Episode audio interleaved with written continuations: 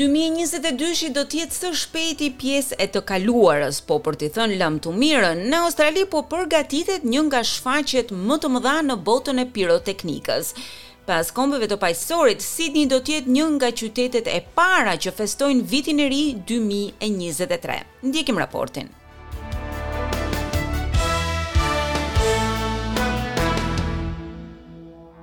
Dera e vitit dy mijë e njëzet e tre hapet në Australi përpara pjesës më të madhe të botës.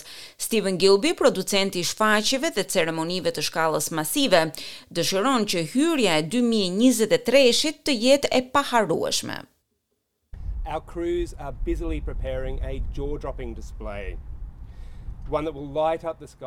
Ekipi ynë po përgatit një eveniment të jashtëzakonshëm, diçka që do të ndriçojë qiellin, ngjyra për vitin e ri, me fishekzjarre që do të vijnë që nga pontonet, nga ikonat e portit, si dhe nga katër tarracat më të mëdha të ndërtesave të qytetit. Gjatë dhjetë ditëve të fundit, ekipet kanë qenë të zëna me organizimin e shfaqjes, e cila do të sjellë për spektatorët njëqind mijë fishekzjarre.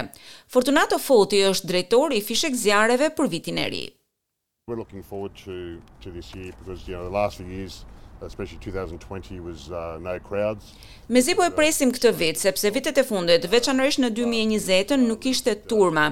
Ishte diçka me të vërtetë shumë e çuditshme. Vitin e kaluar kishim spektatorë të kufizuar, kështu që këtë vit e presim me shumë dëshirë.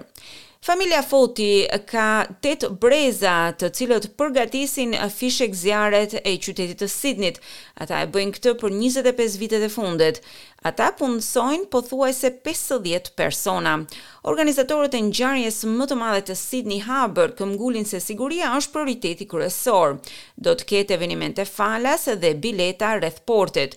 Vetë zoti Fortunato monitoron motin për t'u siguruar që gjithçka të vazhdojë ashtu siç duhet.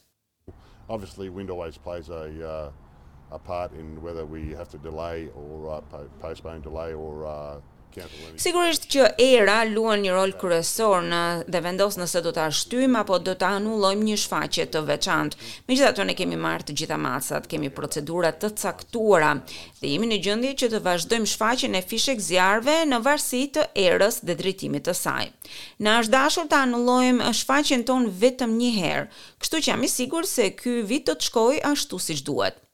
Autoritetet në mbarë vendin i kanë bërë thirrje të gjithë spektatorëve të marrin masat për të qenë sa më të sigurt gjatë evenimentit ose të shmangin ato shfaqje të paligjshme të fishekzjarreve. Në Victoria, shtatëmbëdhjetë persona janë plagosur nga fishekzjarret vetëm vitin e kaluar. Në Sidni disa fëmijë u lënduan nga fishekzjarret në fillim të këtij muaji, ndërkohë që merrnin pjesë në një festival në Sidni. Dhe nëse keni kafshë shtëpiake, ka shumë rëndësi që të siguroni për mirëqenien e tyre. Doktoresha Brown Oak, kryeveterinere për RSPCA në Victoria, na kujton se nata e Vitit të Ri është një moment shumë i frikshëm për kafshët shtëpiake e duhet të mundoni që t'i mbani ato larg zhurmës. Probably one of the biggest things to do is before New Year's hits is to make sure your pet's microchip details are up to date because some pets no matter what the situation what you do to protect Një nga gjërat më kryesore që duhet të bëni përpara festës së Vitit të Ri është që të siguroni që detajet e mikroçipit brenda kafshës suaj të jenë të përditësuara.